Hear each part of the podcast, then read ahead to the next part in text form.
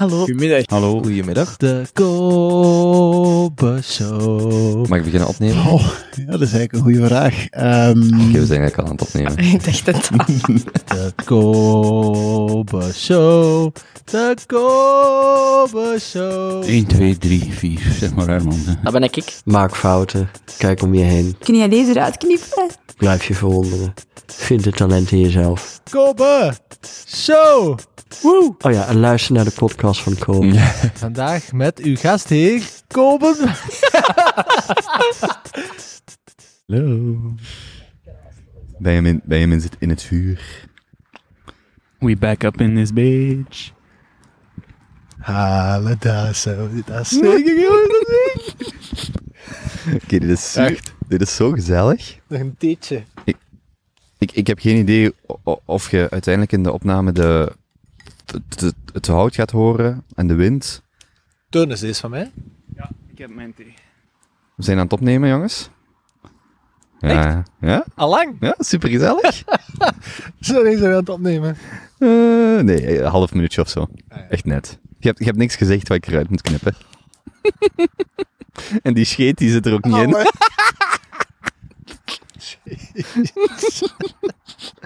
Oh, ik heb dit gemist. Ik heb, Ik ook. ik Ik, heb ook. jullie gemist. Wacht. Oké, Ja. dus wel, ik ga dat gewoon één keer voor de luisteraar zeggen. We zitten buiten, in de wind, coronaproof. Dus aan een vuurkorf. ik weet niet wat dat de audio-kwaliteit gaat mijn, geven. Mijn theetje. Ja, jong. Honing erbij. Wacht, voordat we beginnen. We zijn al begonnen. Ja, oké. maar echt een keiharde shout-out naar Ja. onze gastvrouw De beste gastvrouw. van het Westelijk Halfrond. Amai. Die ik vanuit mijn stoel nog ambitieus zie werken aan haar bureau. Dat is toch, Ja. hier hebben we toch echt al We hebben, wij mogen hier veel mooie avonden beleefd. Hè? Wij mogen hier een, eh, een, een, een tuin gebruiken. We zitten aan de vuurkorf. En dat stond allemaal klaar. Ja, dat is Dat is echt echt- de Ongelooflijk. beste gastvrouw ooit. Ik, eh, Mag ik, mag ik eerst zeggen dat ik jullie gemist heb? Want eigenlijk ging dus vorige week zogezegd de live show door. Dat ging dan niet door. Ehm, maar het is dus al denk ik een maand geleden dat we elkaar gesproken hebben. Ik ben de podcast. op de podcast. Ja. Klopt. En ik ben blij eh, om jullie hier terug te horen. Ik ook. Het was zeer zuur dat die live-opname niet kon doorgaan. Als ik soms tranen in mijn ogen heb, dat is van de rook trouwens. Hè. Dat is niet omdat ik Het is sentimenteel oké, word. Kobe, het is oké. Je moogt... Allee, een beetje emotie als man is echt niet erg, hè? Oké, dat is goed. Maar ehm, ik ben dus blij om jullie terug te zien. Hetzelfde. Ja. Oké. Ik, eh, ik vind dat we misschien als introductie van de Junto, ik heb dat onthouden, ook omdat jij toen dat had aangehaald. Misschien even zeggen wat we doen bij de Junto. In ene zin. Dus de Junto is waar we grote zaken klein maken en kleine zaken groot. Wauw. Wauw, ja. Ik Zeer mooi. toch niet verzinnen. Ik kan het toch echt niet verzinnen. Nee, ik denk als je daarmee op de proppen komt, dan, eh, dan snap je waar het om gaat. Dan zijn echt volgens mij wel bekwaam om de grootste podcast Dus van Vlaanderen De, te volgen. de Junto, waar kleine dingen groots worden, grootste dingen... Waar we grote zaken klein maken en kleine zaken groot. Hmm, Of van een mug een olifant en van een olifant een mug. Mhm. ik vind wel... Ja. ehm, Oh, dat vuurt. ik vind... Ja, het is gezellig, hè? Ik, ik heb zo... Volgende keer leggen we kastanjes op de rooster. Kunnen we zo kastanjes poffen. Ja. Nee, eh, wacht. Wat ik wou zeggen is... ehm, ik vind het leuk om met jullie over dingen te praten. En ik merk ook dat dat voor mensen leuk is om zo gasten te horen praten over de dingen waar ze mee bezig zijn. En, en dat het ook mensen helpt om zo ehm, ja, een beetje door die tijd te komen nu en te horen van oké, er, is, er is iets om naar uit te kijken of zo. En Ja? dan bedoel ik niet enkel de podcast, maar gewoon je kunt met deze situatie omgaan, wat je er zelf van maakt. En ik vind dat wij daar de laatste weken en maanden heel goed eh, het voorbeeld hebben gegeven. Dus eh, dank jullie wel ook daarvoor. Cool, cool. Ja. Mooi. Zeg, ehm, ik had een vraag. Wat Mhm. betreft format. Mhm. Housekeeping. Begin of eind? Eh, misschien op het begin, dan zijn we daar vanaf. Voor mij is dat oké. Is dat, is dat oké? Ja, top. Ik denk is- dat mensen zitten te wachten op een paar updates. Hè. Ja, ja, ja. Ehm, ehm, Ik had er een paar genoteerd, maar ja, zeg maar. Zeg maar. ik denk dat we er... Ik had er drie. Je, je zit wel echt in de rook, Ja, het is oké. Als het niet meer houdbaar is, dan, Oké. dan gaat het wel horen. Oké. Ik had de bospot, Gaat je ze eerst zeggen of moet ik al antwoorden? Nee, ik ga gewoon opzommen wat ik dacht dat er moest qua housekeeping besproken worden. De bospot, ehm paintball Mhm. Mhm. en live shows. Ja, oké. Ik weet niet. Ja, ja, de Bospot. Ehm, voor de mensen die dat niet weten, we hebben, eh, er staat een website online, online de, debospot.be. Omdat wij in een bepaalde aflevering met ons drie, ik weet niet van buiten welke, dat staat op die website, heeft Benjamin te- het idee geïntroduceerd om een bos te planten. Ergens in Vlaanderen of in Antwerpen in de buurt. Eh, daarvoor zamelen wij 5000 euro in. En vandaag, de laatste update, er hebben zeven of acht mensen, denk ik, gedoneerd en we zitten aan 225 euro. Dus eh de het bos zou ook ten vroegste geplant kunnen worden, ofwel in het volgend voorjaar of in het najaar. Dus eh het zou goed zijn als we daar gewoon over blijven updaten en kijken hoe ver we geraken met die, naar die 5000 euro. 5000 euro. En dan planten we een bos van 10 op Dan wordt er een bos geplant. Eh, 100 vierkante meter. 100 Ja. vierkante meter. Ja, en dan wordt er in die 5000 euro zit dan het planten met een groep mensen, maar er zit ook dan de research en het vinden van een locatie en dergelijke. Dus voor 5000 euro hebben we wat Benjamin noemt een Kobe bos. Ja, ja, ja. En, en, en bij de donaties stonden dingen zoals ehm, voor het mooiste stukje groen in Antwerpen, voor die jongens. Er stonden echt lieve dingen soms bij. Zalig. Dus eh, voor de mensen die doneren, dus op de bospot.be staat een bankrekeningnummer. Daar staat bij wie dat gedoneerd heeft. Ik probeer dat heel transparant te doen. Dus nu 225 euro. Ehm, ja, zover staan we. Ik heb lang gekeken om dat zo via GoFundMe te doen, maar dat is pokken duur qua, qua transactiekosten en zo. En helemaal, en eigenlijk niet beter dan dat we nu doen. Dus eh, ja, dat is de update van de bospot. Cool. Ik heb trouwens geen idee hoe dat de wind nu gaat klinken. Ik versta jullie heel goed, maar Ik ook. Ik heb daar wel schrik van. Ik denk dat dat van de vrij wind? Ja.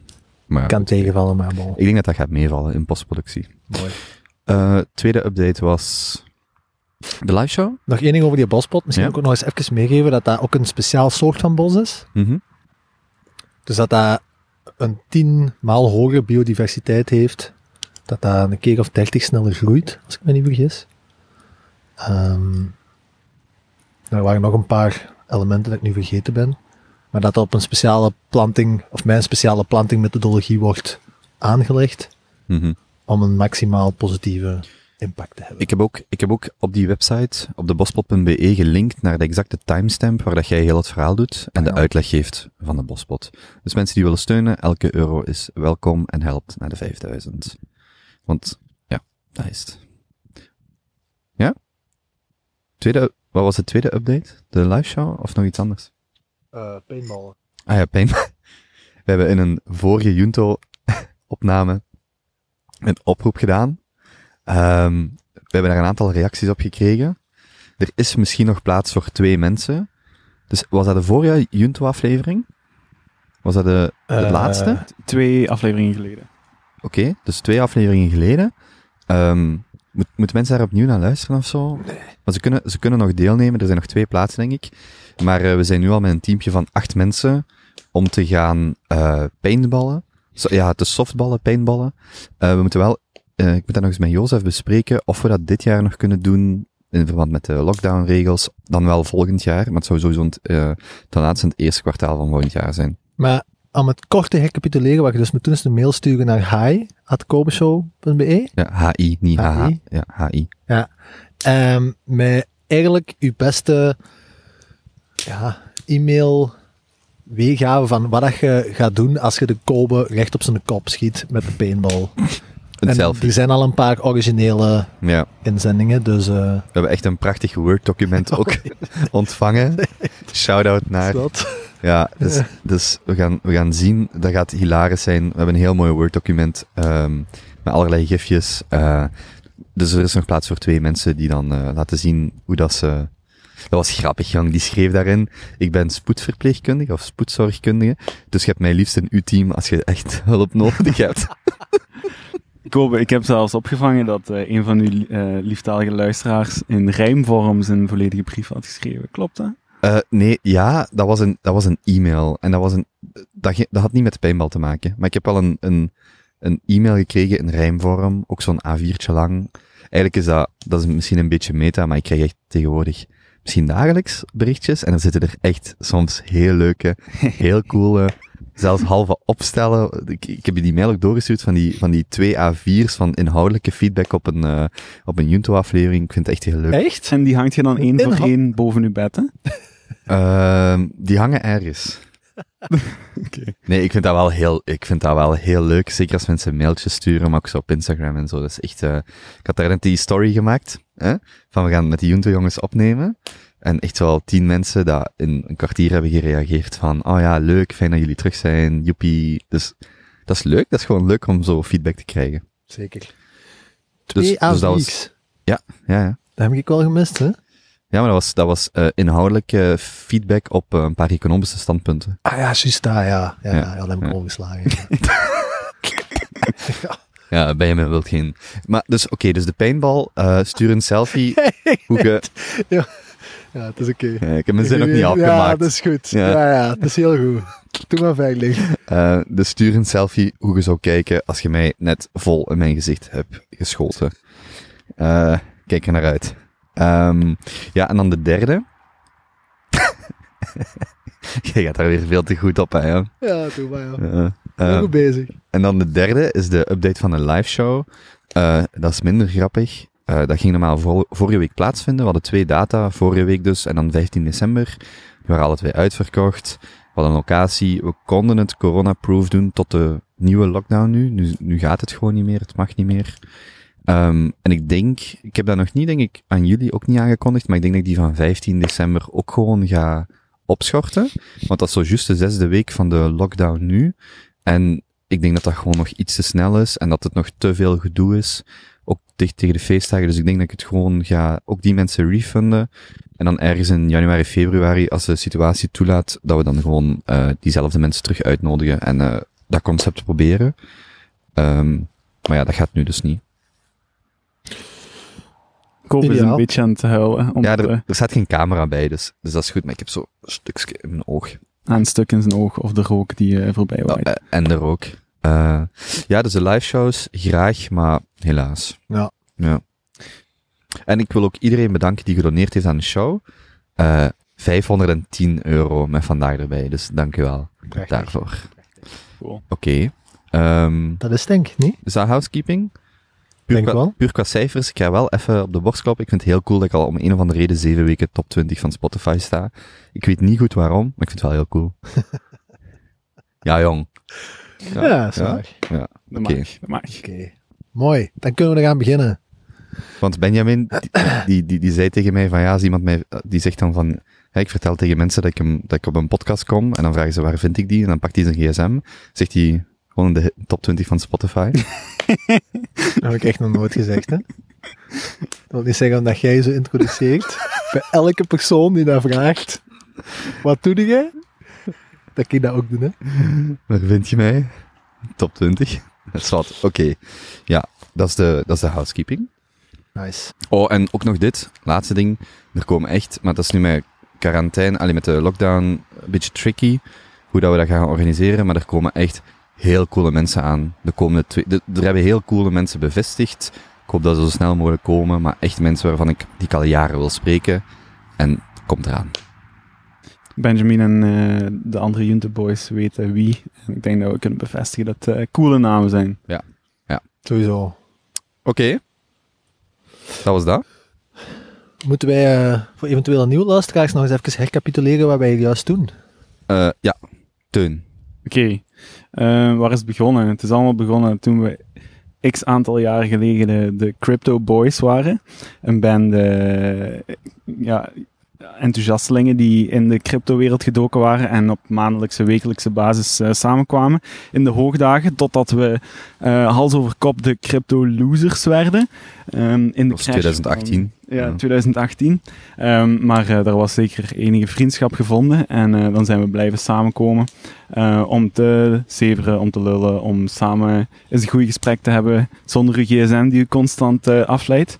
En ik denk dat op een bepaald moment dan de vragen van Benjamin Franklin zijn gaan bovenhalen. Ja. De vragen die Benjamin Franklin met zijn raadsmannen ehm, eh, bespreekt in ieder land dat hij eh, eh, voet aan wal zet. En die, dat waren een 25-tal oud-Engelse vragen, ehm, die misschien iets te gedateerd waren. Mhm. En ehm, die zijn ondertussen omgevormd tot de Junto, het Junto-format, waar dat we nog steeds maandelijks, wekelijks in podcastvorm voor samenkomen. Mooi. Long story short. Elkaar nog voorstellen? Of laten we dat gewoon voor wat het is? Ja, maar dit keer onszelf in één of twee zinnen. Oké. Ik Go. ben Benjamin IJzermans, oprichter van BioLiving. Ah, zo vermoeiend. Oké, sorry. Ik ben Kobe van Reppelen, de stem van Vlaanderen. Nee, nee, oké, oké. Ik ben Kobe van Reppelen, de maker van deze podcast. Ik ben 29 jaar oud, recent single en... ehm en nu stand Maar recent bedoel ik een jaar of vijf, hè? Die? Ik ben Teun Houbraken, eh, Limburger, origineel Limburger, die is, eh, die steeds eh, meer richting de kust is aan het moven, recent in eh, Gent gaan wonen. Ehm, en werkzaam als innovatiemanager bij een eh, natuursteenverwerkend bedrijf. Ik ben eh, Benjamin, 30 jaar. Sinds een week of What? vier. Bijna. Proficiat nog? Dank u. Ah, we zijn alle twee verjaard sinds de laatste opname. Ja. Dus eh proficiat aan u. Wederzijds. Proficiat komen. Goed gedaan. Goed gedaan, Kobe. Goed verjaard. Jij ook, jong. Ja, ik ben echt vier. u. Ik ben Ja. echt vier hoe dat je daarmee zit omgegaan. Oké, ehm, dus nee, 30 jaar. Eh, simpele campus- en boerenzoon eh, die naar de stad is verhuisd en op zoek is naar eh, Nog wat? de waarheid in het, in het leven en het bestaan. Nice. In die Word, die Word doc van de paintball stond Benjamin, PS, Benjamin, uw Camplish is perfect verstaanbaar of heerlijk of zoiets. Kijk, Dat is ook zo goed als de meest voorkomende opmerking die ik krijg over de podcast. Zijn Ja. camp, Camplish? Gewoon, oh, een grave podcast. Met die kerel daar in het campus? Wat is dat, jong? Ja. Ik, ik ben, kan ik dat al zeggen? Ja, ik kan het zeggen. Ik ben bezig met een kleine zijprojectje, moet u bezighouden in de, in de lockdown. Bezig met een kleine een zijprojectje, namelijk een soundboard. Allee, kom maar. Love it. Maar dan komt al nuttig vol, leg je er ook wel op, zeg. hoor. Love it. ja, ja, dus, eh, God. dus er komt een eh Bettyboard. Oké, Nee, zat. nee, om. Toch niet alleen met mij. Toch- nee, om. Nee, nee, nee, nee, tuurlijk niet. Ik zou niet durven. De Pennyboard nu voor 0,49 cent op Google Play. Allee, kan. Het is goed. Genoeg voorgesteld. Vraag 1. Ik heb wel, ik heb alleen antwoorden genoteerd, zie ik hier juist. Heb jij de vragenlijst bij? Eh, ja, ik heb die afgeprint. Chance. Hij moet al niet veel doen op een dag, maar de dingen dat hij moet doen, dan doet hem dat wel goed, hè? Over wie heb je het? Vraag 1. Heb je recent iets gelezen dat je opmerkelijk of geschikt vindt om aan de junto te communiceren? Dit inzijnde ingaande moraliteit, business, natuurkunde of andere delen van de algemene kennis. Amai. Ik heb antwoorden, maar ik heb die niet ge- gestructureerd. Oké, ja. Benjamin, je hebt u gisteren goed voorbereid. Ik heb er twee. Wow, oké. Eén, een korte maar een leuke. Vond ik zelf. Het Velo fietsnetwerk in Antwerpen is het grootste fietsdeelnetwerk ter wereld. Echt? Echt waar. Maar gemeten in aantal fietsen? Oh, dat vroegen ze deze weekend, dat vroegen ze deze...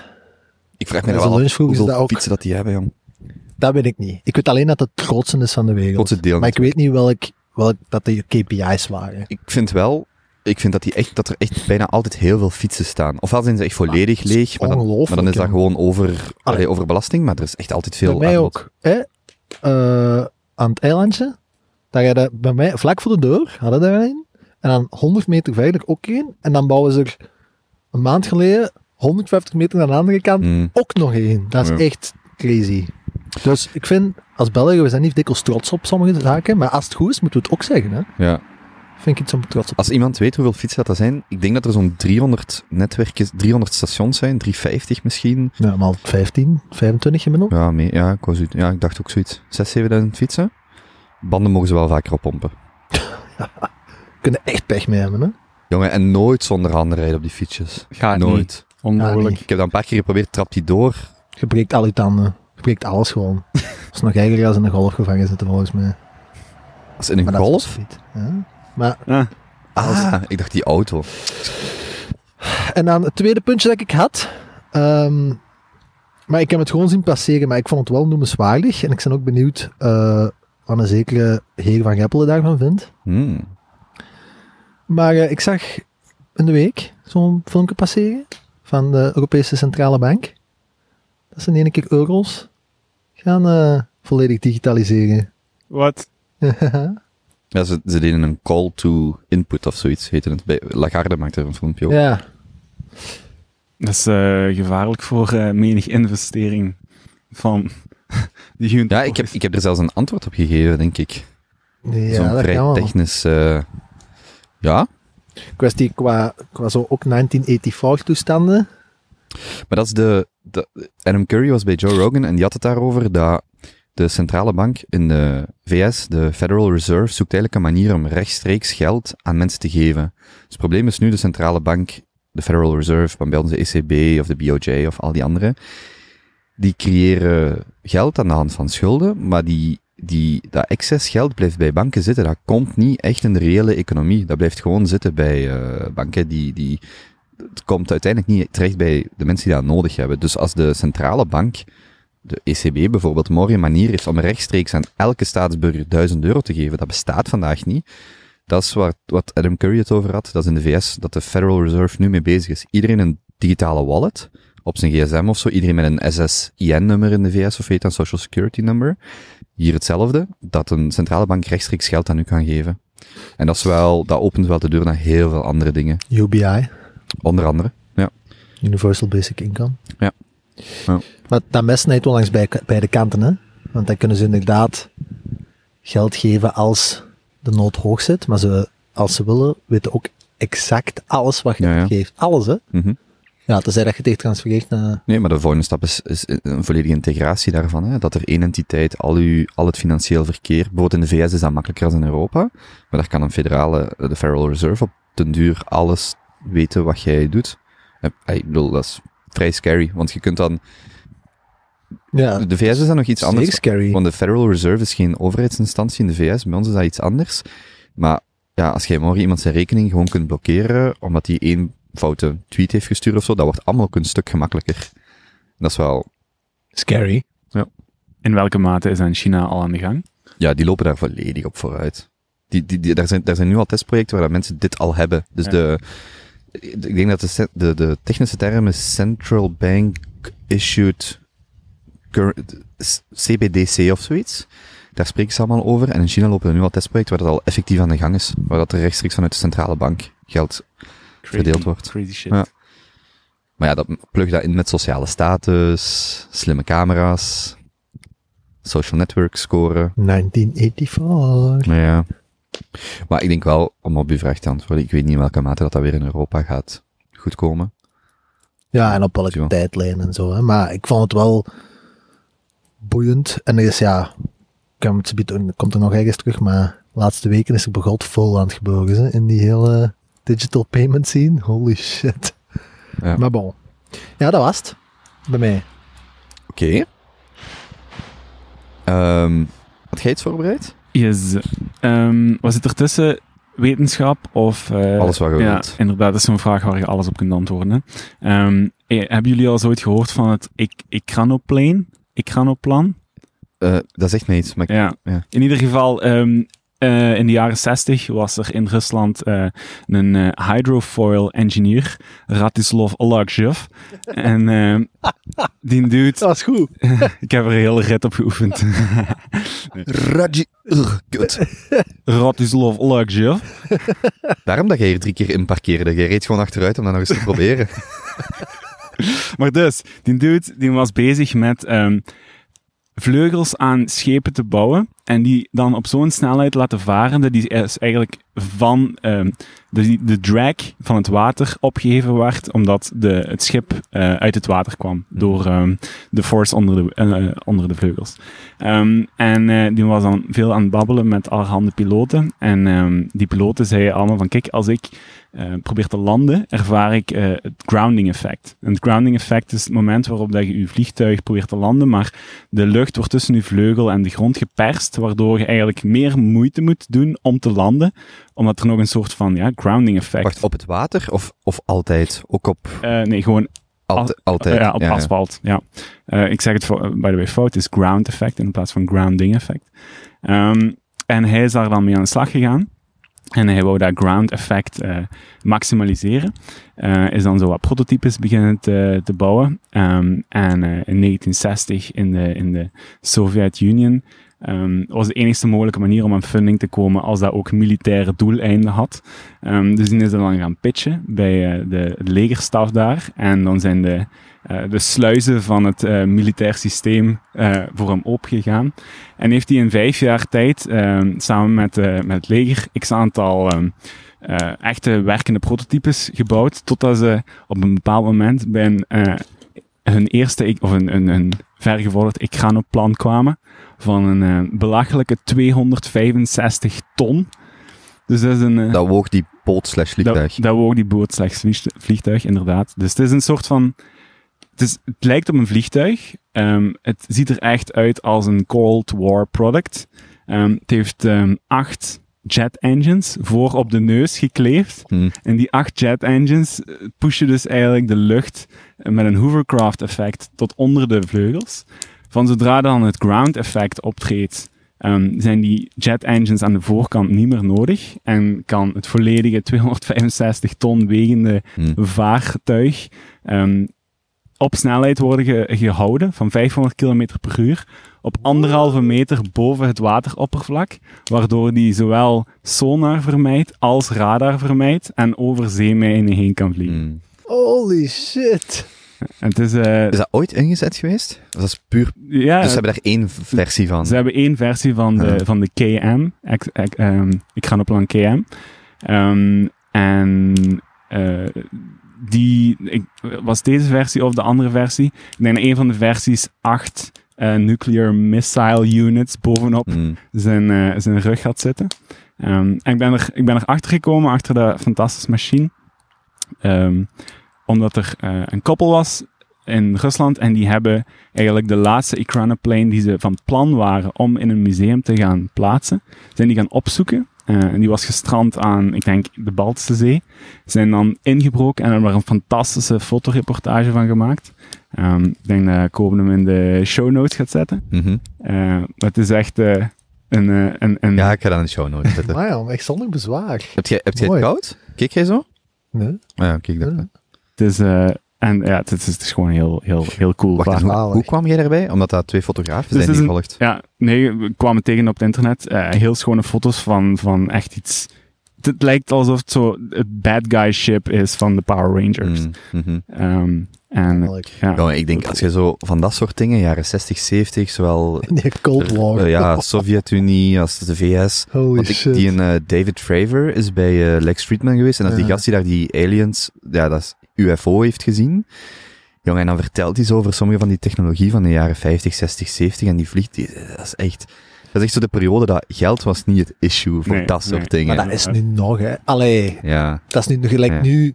Er Maar nu- komen zo nu nog, na 10, 12, wat is het hoeveel jaar, geeft, geeft Amerikaans leger zo Ja, maar nu wordt dat niet meer verheerlijkt. ja, maar nu wordt dat alleen nog in Noord-Korea verheerlijkt of zo. Of in Saudi-Arabië. Dat ze Ja. tonen van dit is wat wij kunnen. Terwijl in die periode wou iedereen dat Ja, tonen. ja, dat is waar. En dat is wel, nu is het zo, ja, in- in Cuba zetten ze, zetten ze raketten, maar dat was om macht, maar dat doen wij vandaag niet meer. We hebben geen verheerlijking meer ervan. Nee, dat klopt, maar ik vind dat er zo soms nog wel echt gave shit naar boven komt. Gelijk, ik had over laatst gezien, dat zo, in ene keer was er zo weer iets bekend geraakt, van dat, de, je kent zo nog wel in de jaren 80 en 90, eh, de shuttles, space shuttles. Hè? Er vliegt nu blijkbaar nog altijd een mini-versie van die shuttles rond de aarde van het Amerikaans leger. En dat blijft zes maanden, dat is volledig autonoom. Dan blijft zes maanden in de ruimte en dan komt hij naar beneden. Hm. En er zijn over laatst ook een paar foto's van geleakt, dat dat landen erg is. En dat, ja, dat er mensen toevallig dat dan hebben met een telelens bij hadden, daar een paar foto's van hebben gemaakt. En dat, ja, niemand weet ook niet, wat zit daarin? Voor wat gebruiken ze daar? Hm. Maar dan is dat gelekt en dan hebben ze daar zo wel wat over gemaakt en dat blijft blijkbaar zes maanden in de ruimte. Ja. Trouwens, dat verhaal dat deed me ook denken aan ehm, de Spruce Goose van, ehm maar ik ben de naam kwijt. Die film met Leonardo DiCaprio, die, avi- die Aviator, Hm. Ja. van hoe noemt hem weer? Die, eh, die gast dat hem daar speelt. Ik denk dat je Amerikaanse- Catch Me If You Can bedoelt. Nee, nee, nee, nee. Die Dat die Aviator van ehm Scorsese. How- Howard Hughes. Howard Hughes. Speelt hij. Howard Hughes? Ja. Hu- ja, Hughes. Hughes. Ja. Dat is ook zo, hè?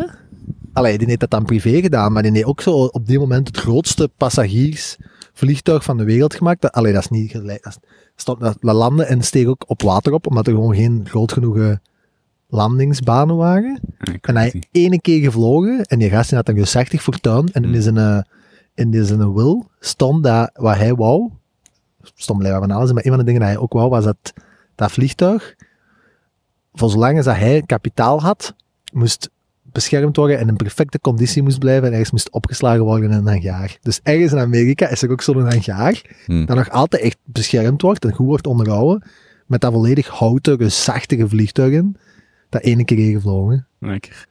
Dat is echt zalig. Heb je al die gezien, die Aviator? Ik niet. Dat is, na, dat is nagalig. Dat is heel goed. Ja, dat is echt een, dat is echt een zalige film. Ik vind zoveel films van DiCaprio uit die periode. The Aviator, eh, Catch Me If You Can. Ja, goeie, goeie stuff. Hebben jullie al zoiets gekeken naar de dating chart van Leonardo DiCaprio? Hebben we het daar niet eens... Is dat, hebben we dat al eens op de podcast gehad? ik weet dat niet. Ja, dat was nadat we de Leo Lulu sweaters besproken hebben. nee, we hebben het daar al eens over gehad. Benjamin heeft daarover gehad dat hij dan altijd zo Miekes tot 26 date of zoiets. En 25. Dat, of 25. 26 is te veel. Ja. Maar is zo, in het, zo Baga Faeli was zo de, de piek, zo 28, 29. Zeker? Ja, dat is, zo, dat is heel grappig. Ja. Er is zo'n wiskundige berekening, zo de, de Leo curve of zoiets. en dat is zo zijn leeftijd gaat gewoon lineair naar boven. En dan zie je zo die leeftijd van zijn madame die daar gewoon Hm. zeer constant blijft. Ja, Nice. bizar. Maar ik, ik, dat vandaag ook, als je zo naar Tesla kijkt, naar die Falcon, dat dan zo opnieuw landt, jongen, die livestream, wie weet hoeveel honderden miljoen, nee, ik weet niet hoeveel mensen daar naar keken, maar dat zijn toch ook van die dingen dat je denkt, dat is zo, daar praat ze over 100 jaar over, gelijk wij over eh, Howard Hughes of zo nu Ja, ja. spreken. En de beste is Echt. come, hè. Ja, van zo'n zot dat raketten deed landen. Hoe de fuck... eh, Ik denk deze maand gaat hem opnieuw, nie- dat nieuwste model, hm, die, eh waar laat ze mee naar Mars gaan, gaat nu ook de eerste keer 15 kilometer doen, denk ik. En dan gaat dat op een compleet nieuwe manier voor in de ruimtevaart gaan landen. Hè? Dus niet, niet beginnen afremmen vanaf het begin met eh, raketten, maar omdat dat ding zo groot is, gaat dat gewoon naar boven. En dan als dat begint te vallen, positioneert dat zijn eigen zo'n beetje in een belly flop. hm, Dus dat dat met de shield first, hè, de, de, de, ja, voor de hitte, gewoon naar beneden komt en dat dat zich in een curve positioneert, dat dat gewoon zoveel mogelijk aerodynamisch wordt geremd. En dan zo echt niet veel van de grond, hè. ik schat een kilometer of twee, kantelt dat zijn eigen terug verticaal en dan in één keer remt dat helemaal af. hm. Maar dat gaat echt 13 kilometer gewoon vrij val naar beneden voor af te remmen. Praat Oh. even verder, ik ga bijstoken, want dat geeft zoveel eh, rook in mijn gezicht. Dat, is, dat is deze maand ook een eerste keer.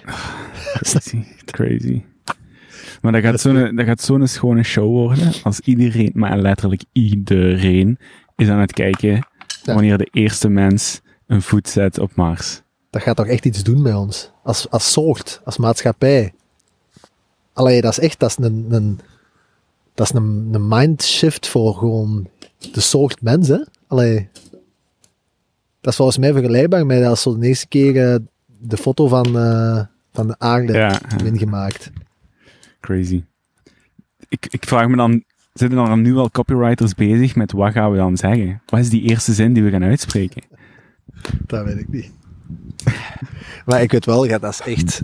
eh, er zijn zo echt prachtige. prachtige over laatst werd een Elon ook nog eens geïnterviewd. Zo de Mars Society. En er zijn zo organisaties, 30, 40 jaar oud, die al 40 jaar proberen enthousiasme rond. We gaan naar Mars en middelen in te zamelen en kennis op te bouwen. En je gaat daar zo weer even op een rant van zo'n minuutje of tien.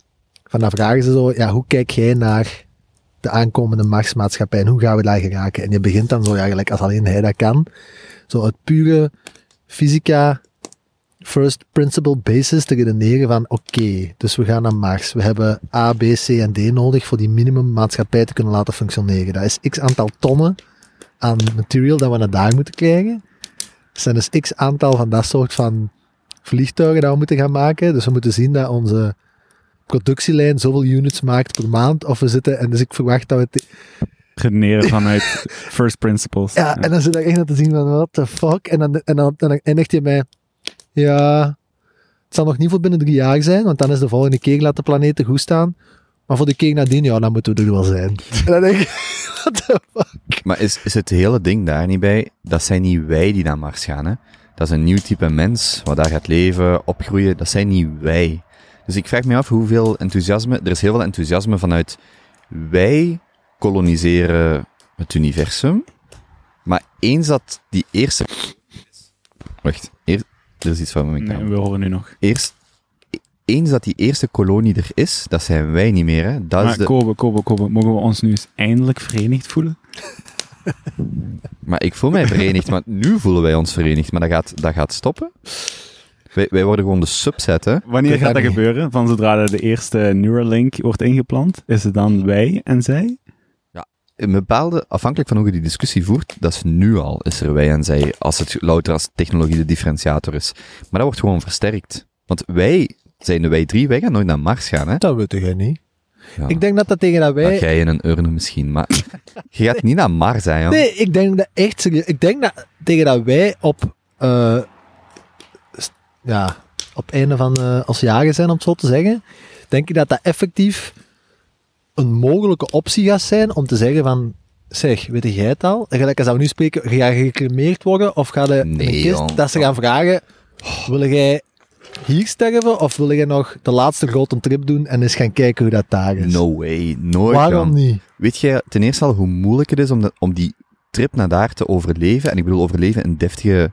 eh, Laat staan daar leven. Als laatste ding. Het laatste Ja, wat jij wilt is ongezond Oh, naar Mars als ik, gaan. ik zou joh. kunnen, als je zo nog iets of wat functioneel zijn, je weet, oké, ik heb nog Jongen, dan gaat een paar jaar. Dan, dan gaat je de bungee laatste, jumpen, het grootste, het laatste spannende ding dat je kunt doen.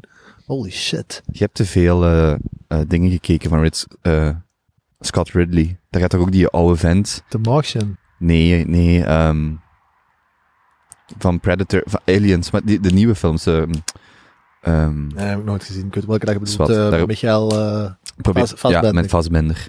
Dan probeert die oude man zich ook zo te recupereren. En dan is dat zo'n oude miljardair. Maar dat, is, dat zijn die nieuwe films, nee, ja, ik weet welke dat je bedoelt. Covenant. Hebben is ze- wat. Hebben ze al ooit iets verteld over hoe ze die... Want de trip naar Mars is zeven maanden, right? Zes, denk ik. Eh, Zijn ze van plan om die mannen te verdoven? Maar dingen, Angelique van Ombergen was op Zw- Zwijgens geen optie en daar ging dat erover. Hoe moeilijk, die vertelde eigenlijk heel goed hoe hostiel die omgeving eigenlijk is. Nee, ja. Like hier op aarde kunnen wij relatief... Nee, eigenlijk hier op aarde kunnen wij net overleven. Als het niet voor onze technologie... Stel je voor dat we hier zonder jassen zaten. Zou al lang, ja, zou al lang bevroren zijn, bij wijze van spreken. Maar, dat is nog niks in vergelijking met de trip naar daar, laat staan Mars zelf. En dat is waarom... Space radiation, hè. Je hebt heel veel... Maar je hebt allerlei dingen. Je, je hebt, geen, je hebt geen zwaartekracht. Dus je kunt, je, je, je motorische functie, je spieren tasten enorm af, eh, of breken enorm af. Dat is niet, dat is geen aangename omgeving. Dus daarom dat jij zegt op het einde van je leven, jongen, pak dan een shot heroïne of zo en ga bungee jumpen. Je gaat echt niet zeven maanden plat liggen in een spaceship om dan... maar misschien de is dat daarentegen gelijk als dat wij nu... Gelijk als Maar dat fysica, fysica verandert niet op 50 jaar, hè? Dat is wel waar, hè, man. Kom aan. Nee, fysica verandert niet, maar de manier dat je ermee kunt omgaan wel, hè. In de zin dat toen als zij... Allee, denk eens na over je grootouders, of twee...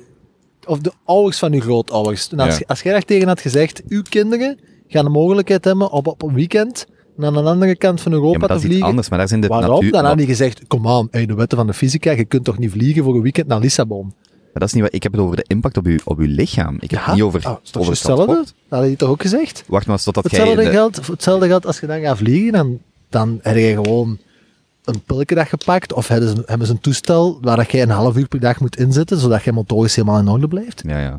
Ja, dat De kans is groter niet? dat je ergens in een matrix, matrix gaat zitten en aan denken dat je naar Mars gaat. Die kans is waarschijnlijk Dat groter. is waarschijnlijk beter. Ja, en waarschijnlijk beter. Ja, dat Alles kan. wat je wilt. Dat kan. Eh, geef mij eens een pilletje. Check, in orde. Dat is gelijk die eeuwige vraag. Ja, ook zo'n... Ik weet niet hoe dat alles hebben aangehaald. Maar als je... Ja. Bon, gaan we aan het afwijken. Ja, cool. Jij had nog Heb je punten nog een-. Maar ik, ik, ik had, ehm, ik had een, ik had een, leuke, ehm, een leuk feitje. Eh, omdat het ook deze nacht de verkiezingen zijn in de VS. Klopt. Ehm, ik, ik zag een tweet voorbij komen. New York Times aandelenkoers. Ehm, sinds Trump in het eh, president is, is omhoog gaan met 326 procent. Fuck. De vier jaar daarvoor met 4 procent. En dat is iets wat vrij snel na de eerste verkiezingen eh, is gepubliceerd. En de New York Times ging zo van, ik denk 900.000 betalende abonnees naar een miljoen drie of vier. Echt zo'n de twee maanden daarna. Dus zelfs voor de grootste critici is er wel een heel goede monetary incentive. Maar als je, dat, als je die, enkel en alleen die cijfers koppelt dan aan wat is voor de aandeelhouders een goede strategie voor de New York Times, dan is dat vooral verder doen. Nee, dan is dat vooral verder doen, gelijk zoals ze de laatste vier jaar hebben gedaan. Maar ik weet niet meer of dat nog zo, of dat, dat ook de traditie van de New York Times recht houdt. Maar ik vond het wel een interessante statistiek. Dat dat dusdanig gestegen is in de laatste vier Ik jaar. zijn uh, zo tussen nog even, voordat ik naar hier kwam, snel door mijn Twitter-feed gescrolld. En um, Polyapathia benoemd. Po ik heb hem Ja, Shamat. Shamat. Die uh, tweette zo, uh, markets are for, uh, indicating Biden. Omdat ja, vandaag is het echt al 4,5% gestegen. Hè? Ja. Mhm. Dus dat is meestal ook wel een, een goede indicator. Hè? Ja, ben benieuwd. Ik ook. Maar ja. Wel sick dat alle grote retailketens in New York gewoon standaard um, al hun etalages zijn aan het afplakken. Ja, Was Washington ook, hè? Als Heel San Francisco ook. Alles echt afge... Het is gewoon de new normal. Oké, er komen riots. Walmart heeft al zijn wapens uit zijn rekken gehaald. Ja. Echt? Ja, ja, want eigenlijk die metadiscussie, los Echt? van Biden en Echt? Trump, is Geen kogels, geen wapens meer te vinden in de rekken, Ja, ja. indien er plunderingen zijn. ja, ja. Holy Zo shit. de situatie van, wat als dat over een week nog niet duidelijk is, over een maand, wat als het op 20 januari, wanneer dat de president wordt ingezworen, dat zijn echt al die scenario's liggen klaar en ook de juridische strijd die gevoerd wordt, dat is echt wel spannend om te volgen van we, afstand. we hebben het daar toch over gehad, maar dat kan, ik weet niet, waar heb ik dat nu weer gehoord? Ik denk dat het er ook al over had gehad, dat, dat iemand ook zei op een podcast, ik denk met Joe Rogan, van blijkbaar is er eh, binnen de Democratische Partij op het hoogste niveau beslist dat als hij wordt verkozen, dat ze gewoon zeggen dat, dat ze dat niet accepteren en dat de UN moet komen of zoiets. Mhm, ja, Hey, maar dan krijgen we een shitstorm hoor. Ja, volgens mij is het sowieso. een shitstorm. maar het is al, het is al een shitstorm. volgens maar mij is het echt... Tegen dat dit online staat, wacht, dus dat is morgen vroeg, dan zijn we, ze, dan zijn we nog aan het tellen. Dan weten ze het nog niet. Want met die poststem, nee, met die poststem komen sommige resultaten pas onze tijd morgenavond, geloof ik. Dus we ja, gaan, dan ga ik ervan uit dat alle stemmen nodig zijn om te weten. Dat was de vorige keer ook niet, hè. dat is waar, maar ik geloof dat dat ging, want ik las het daarnet nog, maar ik heb niet zo'n dag gelezen dat over van die swing states ging, die dan wel belangrijk bleken. Bo, dat is eigenlijk wel leuk. We kunnen nu misschien zo'n experimentje doen met ons van de toekomst. Als je moet, als je moet doen nu gewoon, wie denkt er? Ja, ja. Trump. Wat? Uiteindelijk, hè. 20 januari in office. Ik denk Trump. Heeft ook drie hoogrechters benoemd. Ook niet onbelangrijk als het dan toch daar beslist wordt. We zien wel, maar ik zou mijn geld, als ik moet wedden, zou ik op Trump stemmen. Allee, nee, zou ik wedden dat Trump 20 januari in die Oval Office zit. Ik denk het ook, maar ik kan wel zeggen Biden. Ja, maar nee, het gaat erom, wat denkt je? Ik zou daar niet zelf op stemmen. Het gaat er puur om, als we, als we 100 euro in een pot leggen en we verdelen die over de winnaars, ieder 33 euro erin, op wat stemt je? Ja, dan denk, allee, ik bedoel, wie denk je dat wint? Ja, Trump. Nee. Denk Ik dus Biden. Biden. Als je, de, als je de nieuws erop naleest, is Biden in favor. Maar vorige keer is het dan ook zo eh, Hmm. raar gelopen. Ehm, maar het is wel ook in favor voor, voor de grote corporaties, big tech. Als Biden wint, eh, hebben die mannen daar ook niet gigantisch veel invloed op. Kunnen die niet nou zelfs van aan hun hand zetten? Dat is het spannende dat nu gebeurt, hè. En daar is Eric Weinstein weer keihard over ook. bezig. Juist over beginnen, ja. De, de, de manipulatie dat nu... Allee, dat, dat, dat was eigenlijk... Ik had daar met Jonas, ik ben met Jonas gaan wandelen in de week. Ik zeg, ik heb eigenlijk altijd gedacht dat Trump zou winnen, gewoon dat Biden te zwak is. Maar je hebt geen beeld over hoeveel manipulatie dat er is van eh, Twitter, Facebook, TikTok en dergelijke. En Maar dan gaat er Ja. vanuit dat de manipulatie voor de Democratische Partij zou zijn. Omdat dat in hun eigen voordeel is. Zijn ik er nog niet zo zeker van, ze? Mo- Bij Twitter misschien wel, maar bij zo'n Facebook en zo? maar het hoeft zelfs niet in voordeel van de Democratische Partij te zijn. Het kan ook zijn, waar heb je als big tech het meeste aan?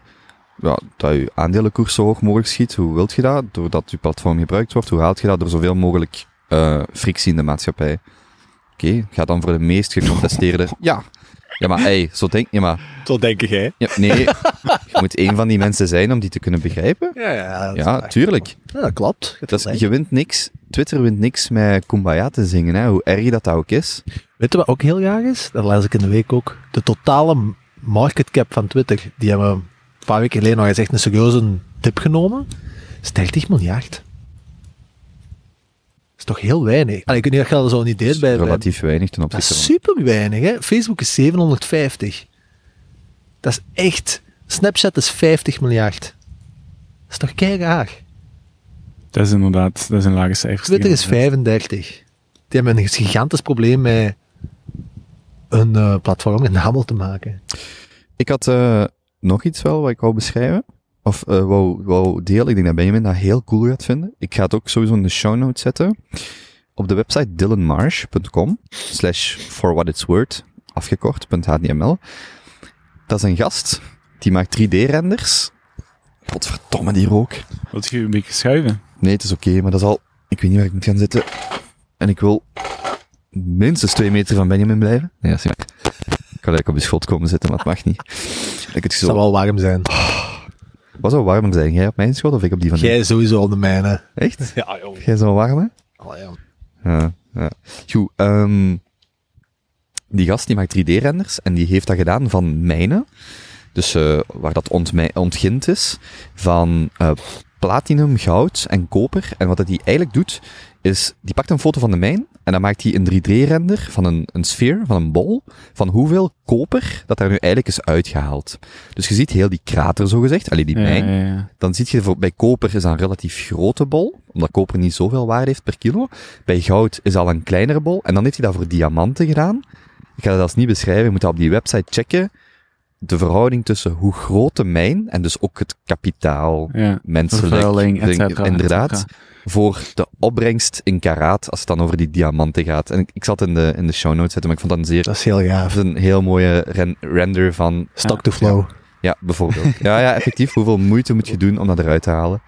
Ehm, ja, dus dat vond ik... Ja, je kunt dat nu voor een digitale tijd ook voor een bitcoin zeggen. Hè? Als ze zo zou laten Ja. zien hoeveel auto's, elektrische wagens je zou kunnen oplaaien om tegenwoordig een bitcoin te minen, dan gaat ook van een, van een stoeltje vallen. Hè? Sowieso. Ik ben even aan het zien, want ik heb mijn antwoorden niet... eh, Oké, ik heb eigenlijk... Ik heb eigenlijk nog wel... eh, Maar dat, wat je juist zei, want dat wil ik eigenlijk echt heel graag zien. ja, Dat Ahmed trouwens ook. Dat, in, de, in, de, in de notes, hè. ja, ja. Ik ga, dat, ik ga dat er sowieso in zetten, want dat is echt dat is een cool render. Nice. Dan... ehm, ja, wacht, dit is... Ik weet niet of dat relevant is dat ik dat zeg. Ehm, ja, ik wou ook met, het met jullie... Ik, ik heb... Ik heb ehm, ja, dat is misschien een, een... Omdat jullie niet daarop voorbereid zijn, is dat misschien niet zo fijn dat ik dat nu zo zeg, maar het is dan een vraag voor de volgende aflevering, voor jullie om over na te denken. Ik ben er eindelijk uit welk het beste nummer voor mij van het vorig decennium is. ik heb er echt al heel lang over proberen na te denken. Ja, ja, maar echt. Decennium. Ja, dus echt van 2010 tot, twee, tot eind 2019. Ah, ja. Het allerbeste nummer is voor mij definitief Somebody That I Used To Know van Gauthier. Je mocht er lang over nadenken, maar ik vind dat, en als ik het dan ook het, decennium daarvoor, dus van 0 tot eind 2009, definitief voor mij Hey Ja van Outcast. Dat zijn voor mij zo de twee. En ik, ik wou het, want eigenlijk moet daar nu niet zo, je kunt daar niet echt op antwoorden, maar voor de volgende keer moet je zeggen, was voor u definitief het beste nummer van het vorig en misschien het decennium daarvoor. Gaat Spotify dat mij niet vertellen? Ja, nee, je moet dat voor u Ja, ja, dat weet ik niet. Eh, Ik weet ook niet of het per se op Spotify staat, maar ik vind die nummers gewoon, dat vind, ik vind dat echt, zeker Somebody That I, that I Used To Know, dat is gewoon een topnummer. Ik vind dat echt een topnummer. Oké, er zijn ook heel goede spoofs van gemaakt. Spoofs? Ik weet niet wat een spoof is. Een spoof? Is dat zo niet? Is een afkooksel. Ja, zoiets, ja. Ik vind wel, ik heb Dat altijd... die twee ja, gasten in zo'n auto, zo twee Australiërs denk ik, dat ze Dat dan zo... na, na, na, na, en dan, dan zeg je, als hij dan begint... eh, eh, als hij dan de refreinen begint, dat hij ook echt zo helemaal losgaat in een auto. Dat is echt dat is heel grappig. Ik heb het altijd jammer gevonden dat ik op dat vlak geen vrouw ben. Want dan kon ik zo zeggen... Ik vond dat echt een zalig mopje dat ik iemand heb horen maken. Is, eh now you're so... Dus eh, eh, elke vrouw kan zeggen... Now you're just somebody that I used to blow. ik, allee, jong. Ik denk dat Nicky Glazer dat ergens in een, in een bit zei. Ik vond dat echt heel grappig. En als man is dat gewoon wel... Allee, het is moeilijk om daar grappig mee te zijn als je dat als fan zegt. Maar als vrouw is dat wel grappig. Je kunt dat zo in je journal schrijven. Ja, ja, oké, de relatie is gedaan. Now you're just somebody that I used to blow. Dat is toch grappig? Allee, jong. Het is dat oké is oké dat jij ermee kunt lachen. Allee, jong, dat is zo grappig. Oké. Ik vind dat als je die soundboard gaat maken, moet er ook wel zeker een, klop, een knopje zijn voor het geluid dat jij maakt als je met je eigen moppen lacht. dat is ook een specifiek lachje. Dat gaat nog één of twee noten hoger als normaal. Ja. Oké. ehm gaan we naar Nee? gaan we vraag 2? Yes. Welk citaat, oude wijsheid of inzicht is je de laatste twee weken, laatste vier weken bijgebleven? Ja, ik, ik heb een citaat van Hunter S. Thompson, dat ik mooi vond. Dat is ook het enige dat ik heb. Zal ik eerst gaan? Go for it. Life should not be a journey to the grave with the intention of arriving safely in a pretty and well-deserved preserved body, but rather to skid in broadside in a cloud of smoke, thoroughly used up, totally worn out, and loud, loudly proclaiming, "Wow, what a ride!" Past ook, Hunter S. Thompson. past ook volledig bij Hunter S. Thompson, maar ik vind dat wel een cool ding om eh, op mijn spiegel te schrijven. Heb je ooit gehoord wat Johnny Depp heeft gedaan? Eh, eh, nee. Die heeft al veel uitgesproken. Ja, ik wou je Ja, zeggen. heel wel uitgesproken. Maar die was blijkbaar de laatste jaren... Allee, ik weet niet dat, dat dit een broodje aapverhaal is, maar ik denk niet. Ik heb het al een paar keer gelezen. De laatste jaren van Hunter S. Thompson zijn leven is Johnny Depp daar vrij goed bevriend mee geraakt. We hebben daarna ook een keer gespeeld en zo in een film. Hè? En Hunter S. Thompson had blijkbaar in zijn, eh, in zijn will opgesteld dat hij wou dat echt bij naam dat Johnny Depp met de assen van zijn lijf eh, dat hem die in een kanonskogel moest steken. En dat ze naar de, naar de no shit. Dat is echt, dat is echt het meest Johnny Depp ding dat je kunt inbeelden. Dat ze naar de Caraïben of zo moesten varen naar een specifieke plaats waar, dat waar dat zij samen ook echt epische feestjes hadden gehad.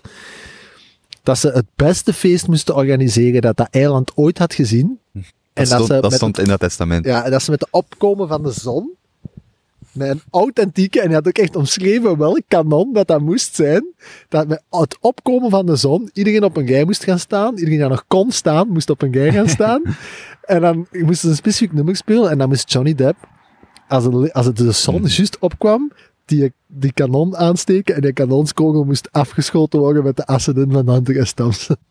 En dat is blijkbaar echt gebeurd. Crazy. Hoe graag zou jij op dat eiland zou zijn geweest met Kim Kardashian afgelopen weekend? Wat, haar, wat, wat is daar weer gebeurd? voor haar 40ste verjaardag. Ik heb iets gehoord. Eigenlijk waar, echt niet. Echt niet. Die, die had zo normaal een heel groot feest, dat is dan niet doorgegaan voor corona, maar dan zijn die gewoon zo met een bende billionaires en bekende mensen, hebben die een privé-eiland gehuurd of gekocht, en zijn die daar haar feest gaan, met zo'n man of 50 denk ik, op de foto's te zien. En echt zo, ja, zo aan de crème de la crème van die cirkel. Zo op een eiland. Sick. allemaal corona getest, daar is heel veel kritiek op gekomen. Hè? Sowieso. Dat is ook, ja. Maar wat was haar reactie niet? Oh, I'm so blessed. It's amazing what uh, capabilities Ja. of... uh, Zoiets, zo- zo'n tweet ergens zo van, weet niet, zo schatje.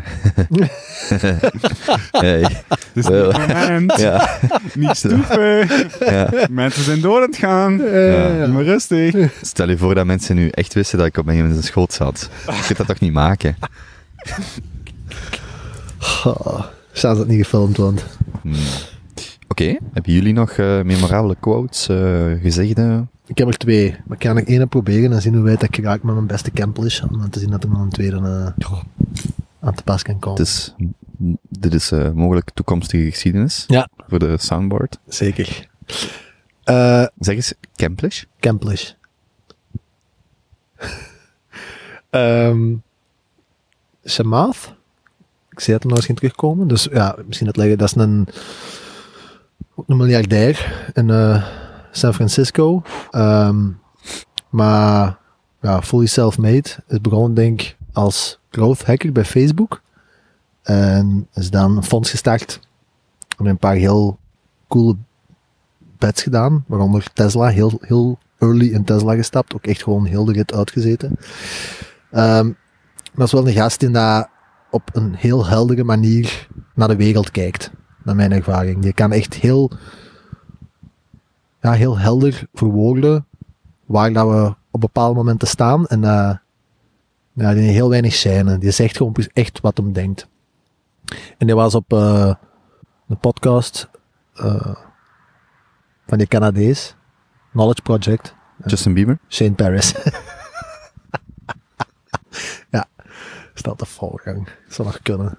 Ehm, en die had het over imposter syndrome.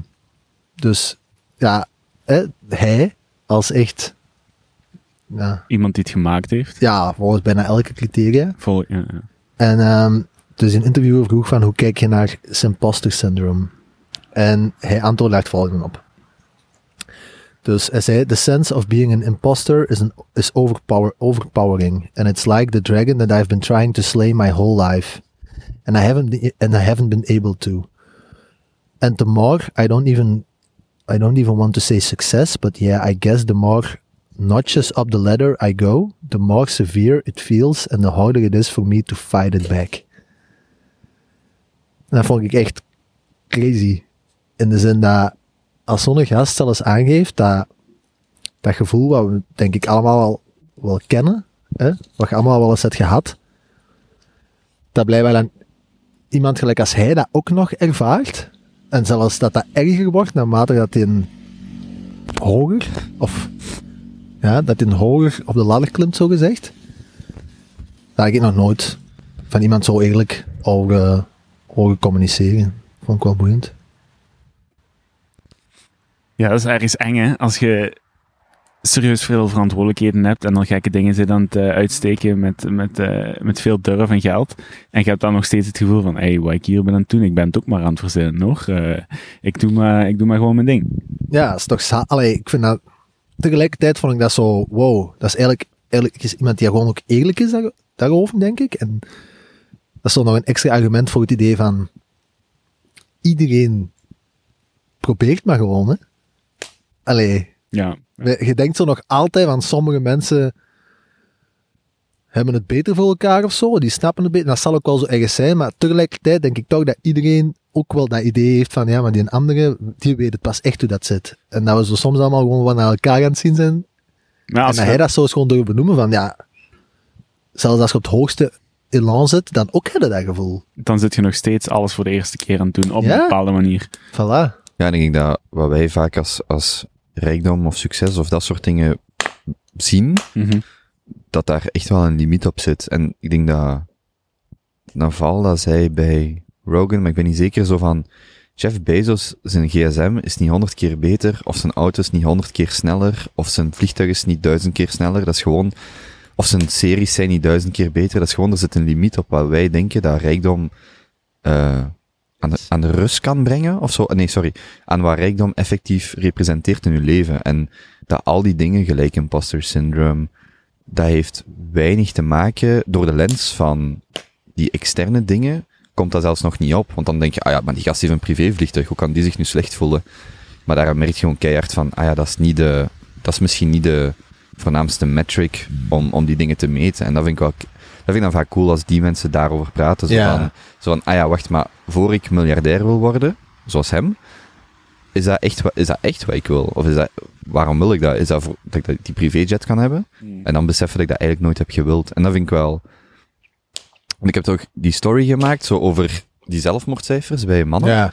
Dat ging daar ook al die richting uit. Zo van, oké, wat wij misschien denken dat privilege is, of vandaag zo benoemen, is status, macht, geld enzovoort enzoverder. Maar dan blijkt dat je vijf keer zoveel zelfmoord pleegt in, in die groep, ja, misschien zit er dan, misschien gaat de vraag dan naar, en dat was waar ik een antwoord op zocht, van die dingen die wij als succesvol zien, ja, leidt dat dan effectief tot geluk? En, en ik denk dat dat, dat sluit daarbij, voor mij daarbij aan. Zo van, ja, nee, er zijn, er zijn andere waarden en normen die niks daarmee te maken hebben. En, die, Mhm. en, en er is geen cijfer of geen investering dat dat gevoel van dat imposter syndrome bij hem kan wegnemen of zo. Ja, ja. En ja, ik vind dat wel spannend. Ja, en dat was dan ook de, de, de volgende vraag dat ze hem stelde. Ehm, waar hij ook een cool antwoord op gaf. Heb jij daar op last van, van imposter syndrome? Met momenten, tuurlijk. Ja, zeker. Omdat je... Ja, zeker. Allee, mijn persoonlijke situatie. Als je een, een- een, bedrijf leidt, om het zo te zeggen, dat aan het groeien is, moet je bijna op dagelijkse basis dingen doen dat je nog nooit eerder hebt gedaan. En dan heb je heel dikwijls gewoon het idee van, allee, ik ben toch totaal niet de meest bekwame persoon om dit te doen. Hm. Maar ja, nee, oké, maar ik ben misschien wel de enige nu die dat er is om dit te doen. Ja. Dus daar moet ik het beste van maken. En dat, dat idee zo, ja, tuurlijk, heel veel.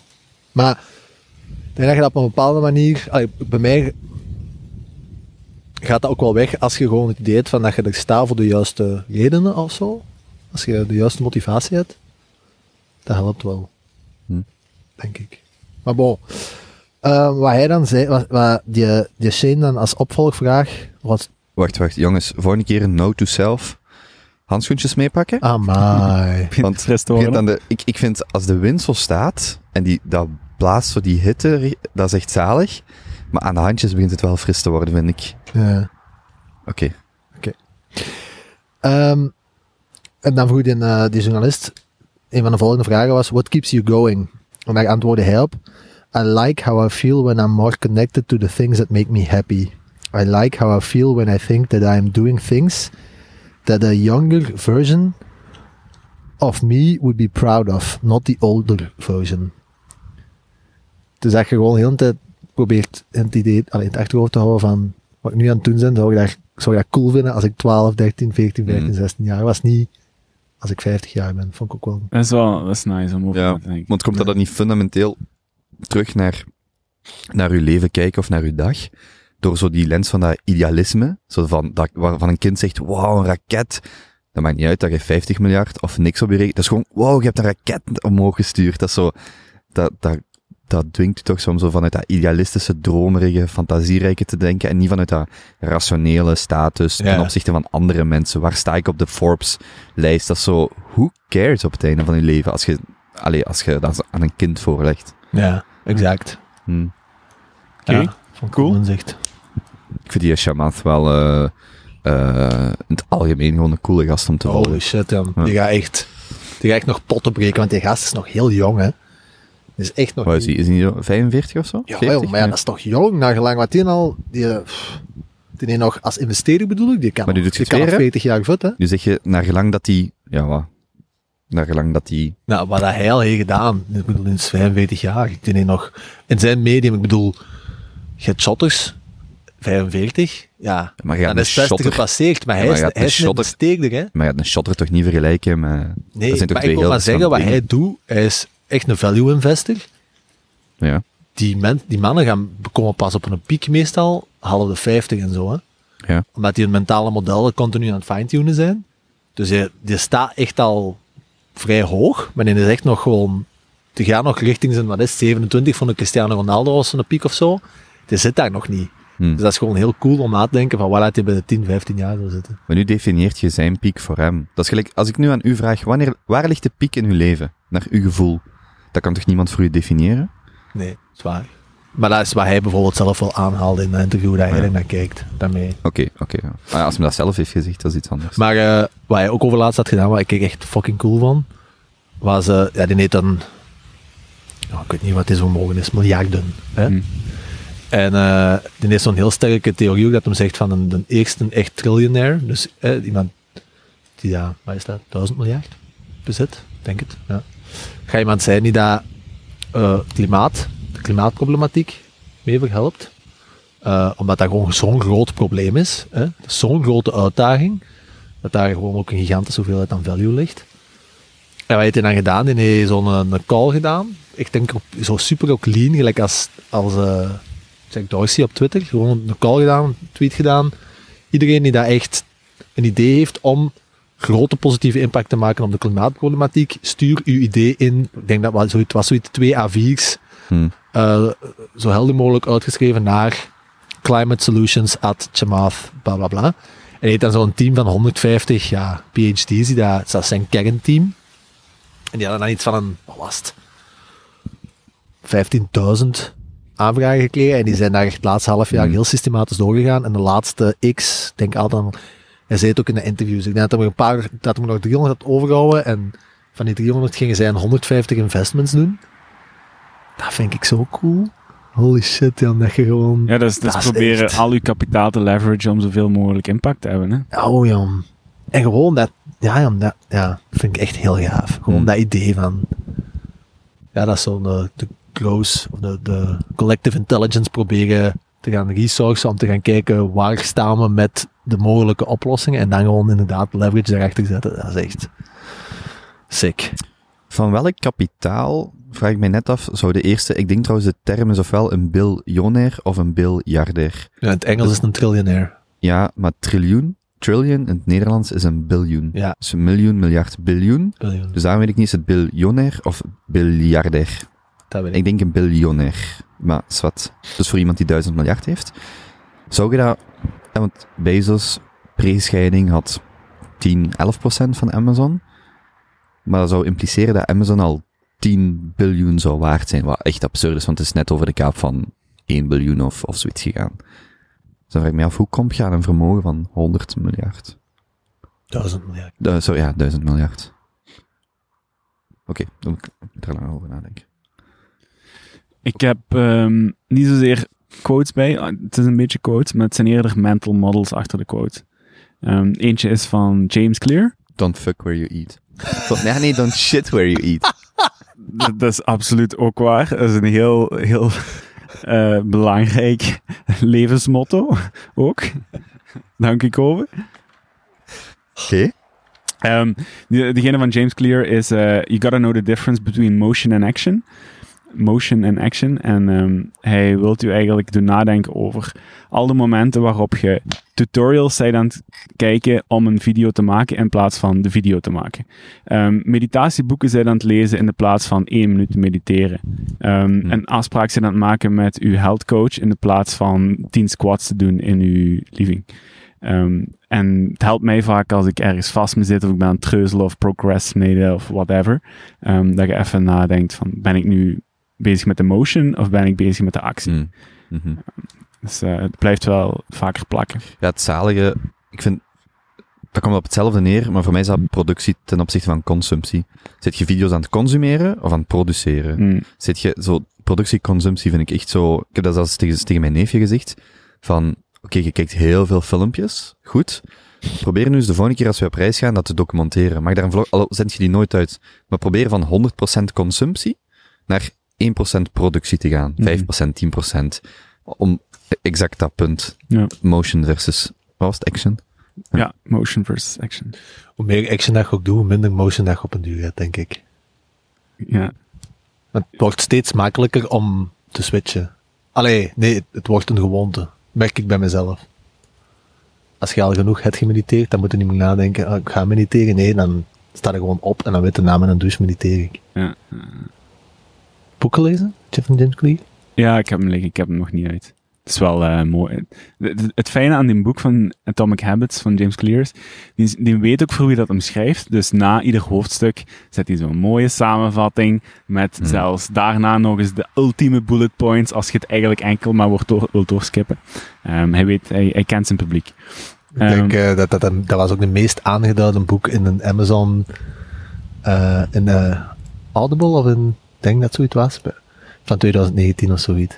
Ja. De meest gehighlighten. Ja. Ja, hij is, eh, hij is hard aan het gaan. Hè? Hij is populair aan het worden. Ehm, en wat ik nog opgepikt... ehm, ik weet niet meer van wie het juist is, maar het is eigenlijk een, het idee...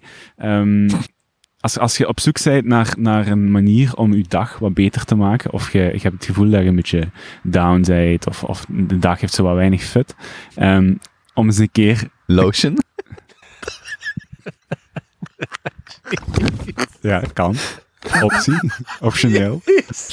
In kopen van Rappel is een leven. Oh, Staat dat is mee dat die 5 liter lotion wel altijd naast de onbegonnen staat. maar- Sorry, sorry, sorry. Ik, eh,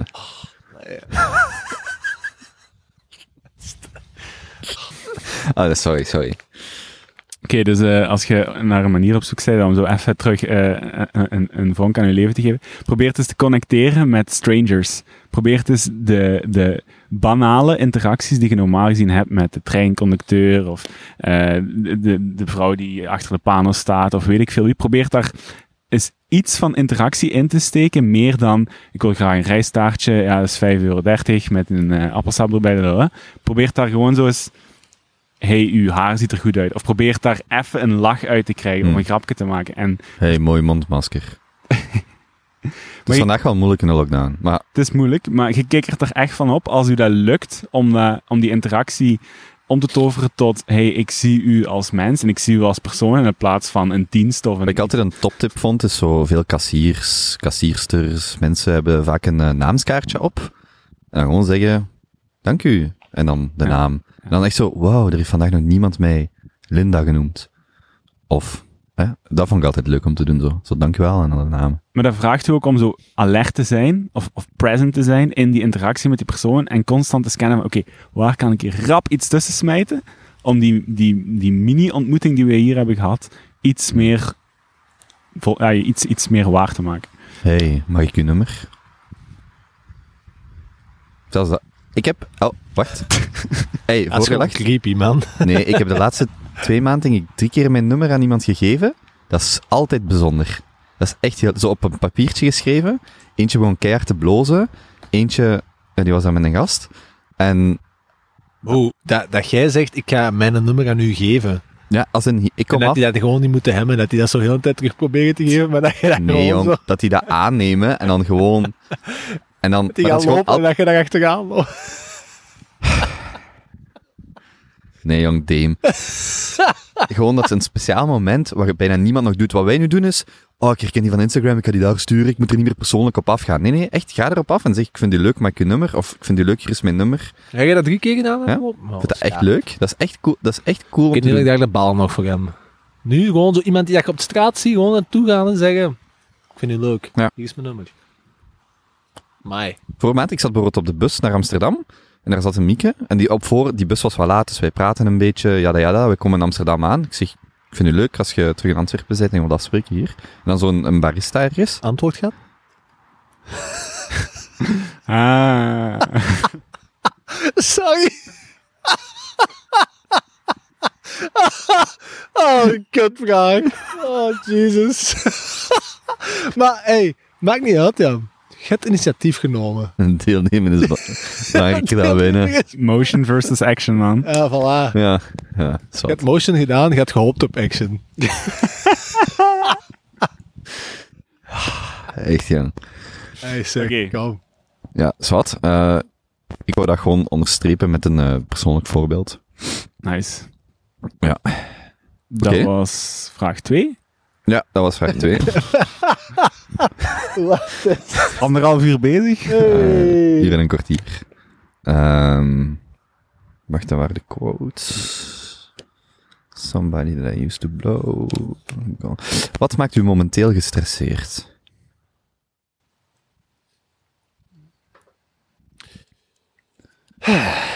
Ehm, Eigenlijk deze keer, de laatste drie keer dat ik die vraag heb moeten beantwoorden, had ik altijd wel iets van dit of dat. Maar deze keer voel ik mij goed. Ik heb zo'n paar weken geleden tegen mijzelf gezegd, wat er ook gebeurt, tweede golf, whatever, ik ga er gewoon het beste van maken. Eigenlijk nu hebben zo'n paar mensen een voicemail ingesproken, daar ga ik een nieuwe aflevering van maken. We zitten hier terug, we vinden een oplossing. En zo in het algemeen, er zijn gewoon zo goede fasen, zo dat idee van, wat er gebeurt, ik ga daar het beste van maken. En ik heb het gevoel dat dat nu aan het gebeuren is. En dat is cool. Dus ik ben eigenlijk niet echt gestresseerd over iets. Ehm, ik moet naar het toilet op deze moment, maar goed. Maar het is er niet iets waarvan ik denk, ah, dit vind ik nu, dit sleept al dagen of weken aan. Dus, Ik ben ook niet echt gestresseerd. Jij hebt dus zes maanden, zes weken liggen rijden aan de Atlantische kust. Ja, dus ik kan zou heel straf zijn als jij gestresseerd wordt een maand. Ik ben vandaag de eerste dag moeten gaan werken. Dus, eh. Je zit eff- Oh, maar je zit effectief, hoeveel weken zit je gaan rijden? Ehm, drieënhalve week. En ik denk dat we iets van een 6000, 5000 kilometer gereden hebben. Zalig. Jij met die, ma- met, met die madame. Ja. Hè? ja. Met wie? Linde, een vriendin van mij. Wacht je met, ah, je werd met twee onderweg. Ja, ja 5000, 6000 kilometer met twee in een busje. ongeveer, ja. En? Ja, niks gebeurd. Nee, het was... eh, Jongen, jij zit zo... Maar dat was niet eens mijn vraag. Ik- Dat was één van de... Ja, wat, en, Dat was één en- van de elementen in die vraag. Maar ook, als je 6000 kilometer met iemand in een busje zit, dan, dan zit het toch echt... Als dat goed gaat, dan zit het toch echt... ja, het was pittig. Eh Shout-out naar Linde, by the way, voor de leuke trip. Maar ehm, eh, dat was zes vierkante meter waarin dat je sliep. En, en de juppies die we zijn, pakken dan niet twee keer, maar drie keer te veel kleren mee. Uiteraard. Ehm, en, en Vijf keer te veel boeken. ik heb eigenlijk niet zoveel geleefd. We hebben heel veel gesurfd. Het was echt gewoon rijden, surfen, eten, slapen. Ehm, het, het, wat, ik, wat mij het meeste opviel, is dat we echt zo... Dus, dus we zijn dan geen koppel, we zijn vrienden, we kennen elkaar nog niet super lang. Ehm, we, we, we delen een, eh, een hobby, eh, surfen. Maar je zit dus geen koppel, maar je zit dus twee individuen in een bus die samen reizen. En je merkt heel hard hoe individualistisch dat je op een bepaalde manier bent. En dat je, dat je eigenlijk wel altijd gewoon je eigen zin Hmm. wilt doen. En ook, je zit op reis, Wat dus je... bedoelt je dan dat je... Dat de verleiding er altijd is dat je je eigen boven het collectief zet, boven die twee zet. Dat, Dat, je, dat- dat je liever doet wat je zelf goed vindt, als wat goed zou zijn voor je twee. Ja, dat is eigenlijk de constante strijd. Ja, Van, ja. ehm, eh, ik zou eigenlijk nog wel een wandeling willen gaan maken en misschien even mediteren hier in de schone natuur. Maar, ah ja, we gingen ook naar die spot en dadelijk gaan we vertrekken. En als Linde klaar is met daar, dan ehm, gaan we terug inpakken. Of, ehm, ik wil nu gaan slapen. Ah, nee, nee, ik wil nu nog een pintje drinken. Zo, die strijd zo, en dat was interessant. Ehm, Heb je ruzie gemaakt? Nee, we zijn, ja, ik denk allebei conflictvermijdend. Eh, we hebben veel, we, we kunnen al heel transparant babbelen. Maar dus je zwijgt gewoon 2000 kilometer langs elkaar. zegt 17 uur aan een stukje wordt gezegd, heb je ruzie gemaakt? Nee. We zijn gewoon conflictvermijdend. Nee, dat was eigenlijk, we hebben gewoon alles direct op tafel gesmeten als er iets was. Eh, ik denk dat we elkaar heel goed hebben leren kennen. Hey, maar even serieus, als je zo, hè, dus drie, vier weken met iemand samenreist, Yes. heb je dan nooit zo de verleiding van Ja, jongen, come on. Dat kan dat toch niet? Vier weken samen in een bus, 6000 Ja. kilometer. badpak aan, badpak uit? Allee. Niks gebeurd. Allee. Nada. Dat vind ik straf. Allee, jong. En nu dat jij single bent? Niks gebeurd. Oh, jong. Volgens mij wil het me gewoon niet zeggen op de podcast. Of het ligt aan haar. Mocht Linden altijd uitnodigen. Ik denk dat jij die naam al eens gedropt hebt. Eh, dat is oké. Die naam zegt me iets, maar ik weet, ja, is wat. 6000 kilometer. We waren eh, vrijdagavond om 7 uur vertrokken in Lagos. Lagos, hè? Dat is echt Oh, dat is echt, onderkant dat is onder, Portugal. ja, dat is Het was, daar, het was daar hartje zomer. Wij stonden daar in ons, eh, in ons, in onze zwembroek. Wat was daar, 20, 20 23 graden? Ja, zoiets. En zaterdagmiddag, twee uur, sta ik terug in Gent. Wat? What? Hoe rijd je? Huh? Dus we hebben Dat is gewoon 2000 kilo, wat is dat? Twee- 2600 kilometer ongeveer. Op, van, van zaterdagochtend, van vrijdagochtend? Eh, wat zeg ik? Wat zeg, sorry, eh, eh, donderdagavond. Donderdagavond. Donderdagavond. Ja, ja. Oké. En dan de ene pit, de andere rijdt, Ja. de ene pit. Ja, nee, we hebben gewoon wel s'nachts geslapen, hè. Maar Ja. inderdaad afwisselen. Van wie was nu die bus? Die bus die daar rijdt. Ja, die je niet mocht parkeren. Ja, dus ik zal u even het verhaal vertellen. Ehm, we komen aan in Ericeira. Ericeira, Ericeira is, eh, is een van de surf capitals van, ehm, van Portugal. Ehm, en het is al laat en we, we reizen in een busje, dus je kunt gaan en staan waar je wilt. Maar we kiezen er dom genoeg voor om op een van de meest populaire surfplekken van Portugal te gaan staan. Peniche? Nee, dat was Ericeira, dus eh Nee. Ribeira Dilhas eh, Surf Reserve. Ehm, dat is een internationaal erkend reservaat, omdat de surf daar zo goed is. Ehm, dus de golven breken daar he- heel tof. Ehm, en we hadden niet door dat we daar stonden. We hadden daar niet moeten staan. Ehm, dus eh, ik word s'nachts wakker. Eh, ik ga naar buiten om te pissen en ik eh, kijk naar mijn bus en er staat in het groot op no parking met spraypaint. Op de volledige zijkant. Witte, Spraypaint, echt graffiti. echt graffiti. Oh my god. Krijg je dat eraf? Ik, ik voel zo, er zit nog veel dauw op. En ik krijg dat eraf. En ik denk, oh my god, het is zes uur s'nachts. Wat ga ik doen? En ik kruip even de bus terug in en kan ze niet meer slapen. En ik ga terug naar buiten. Ik zeg, ik ga dat nu afhalen, hè, want straks is die dauw weg en zit dat vast op mijn, eh, op mijn auto. En de, Dat was uw bus, ja, dit is de bus die we de met, gez- familie. van, die we met de familie delen. Ehm, en ik stap naar buiten en het is, het is kwart na zes. En de vissers beginnen zo hun poeltje te pakken om naar het strand te gaan en, en mosselen te gaan rapen en, en vis te vangen. En die mannen die wijzen naar mijn banden. En ik had dat nog niet gezien. Oh, Maar ik had ook drie platte banden. oh, nee. Eh, dus dat sukte. Maar Wat eigenlijk ergens ner dat staat nergens op. Als je spreidt no parking en je steekt dan de banden plat, dan gaat hij toch ook niet weg? het En ge- zo ene nog heel laten. Er stond er nog ene, er stond er nog ene strak. Oké, kut hè. Maar Het is halfwerk. Eén band.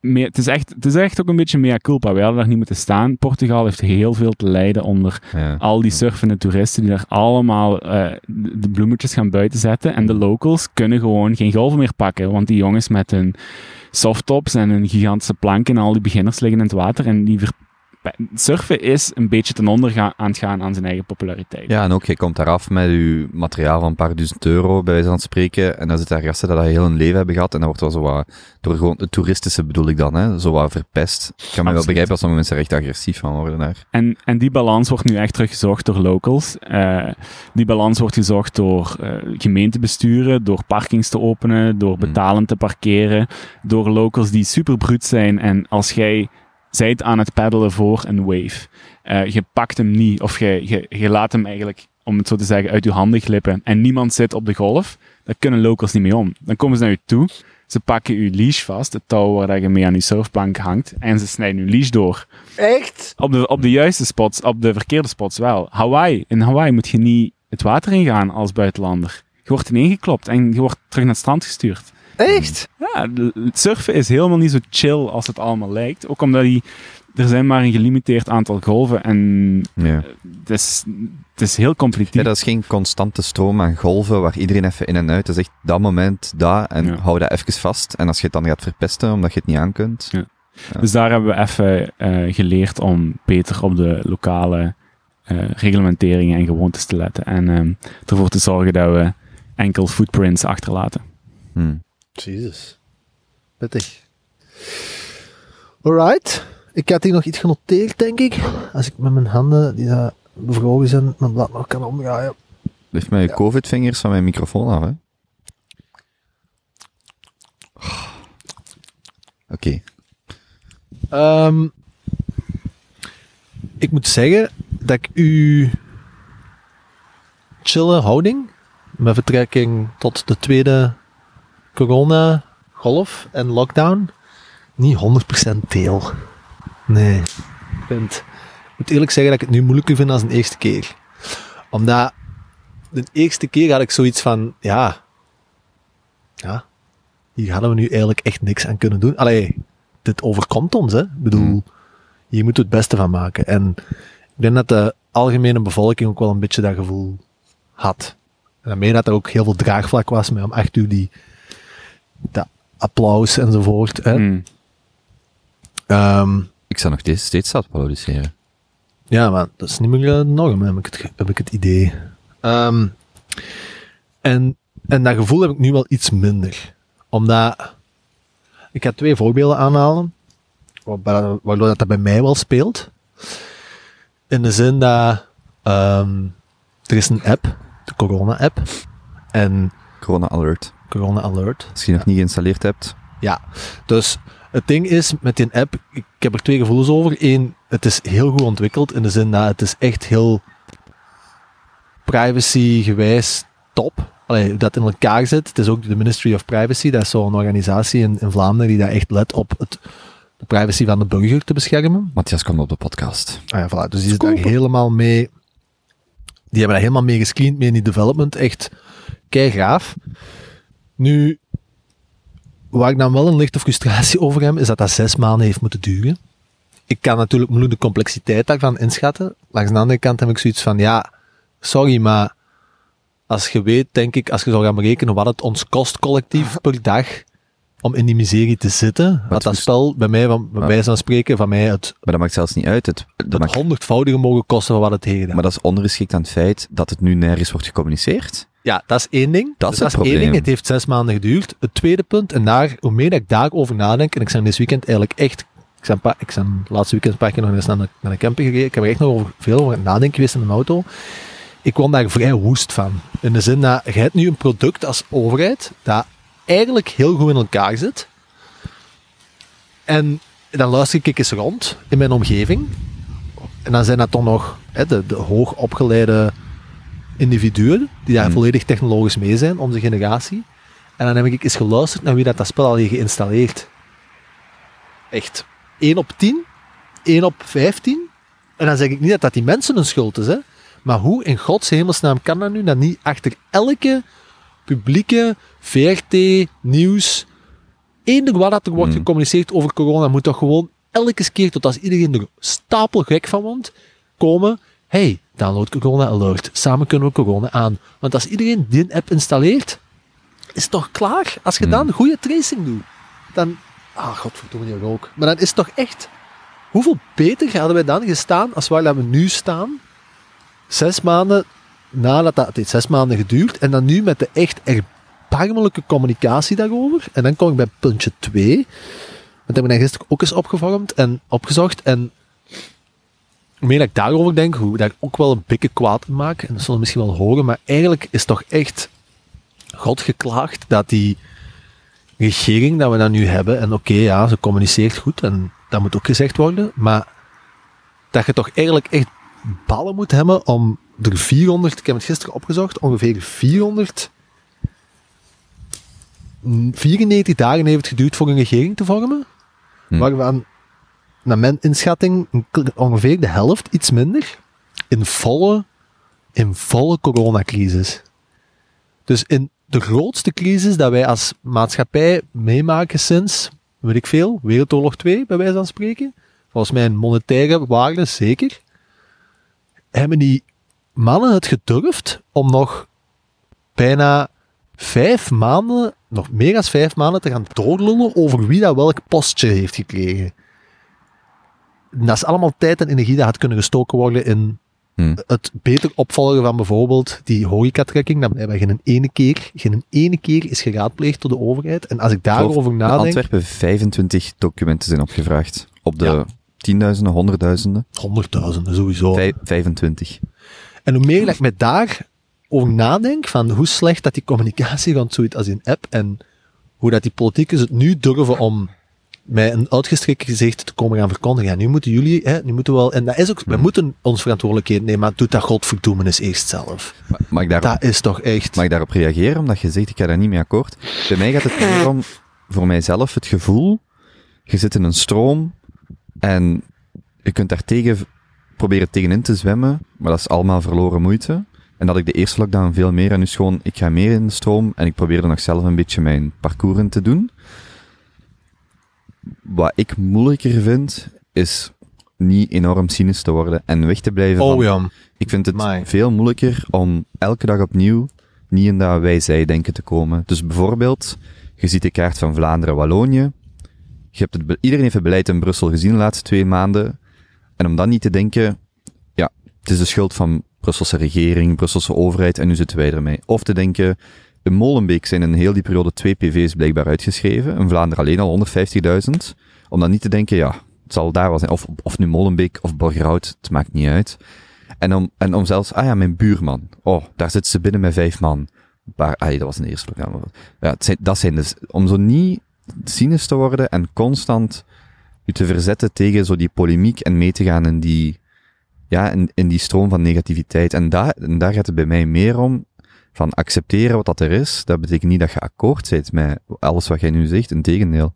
Maar wel zo van, oké, dit gaat mij te boven. Ik wil mij daar op bepaalde manieren tegen verzetten, maar ik wil niet dat dat mijn interne Ja. staat helemaal vernielt.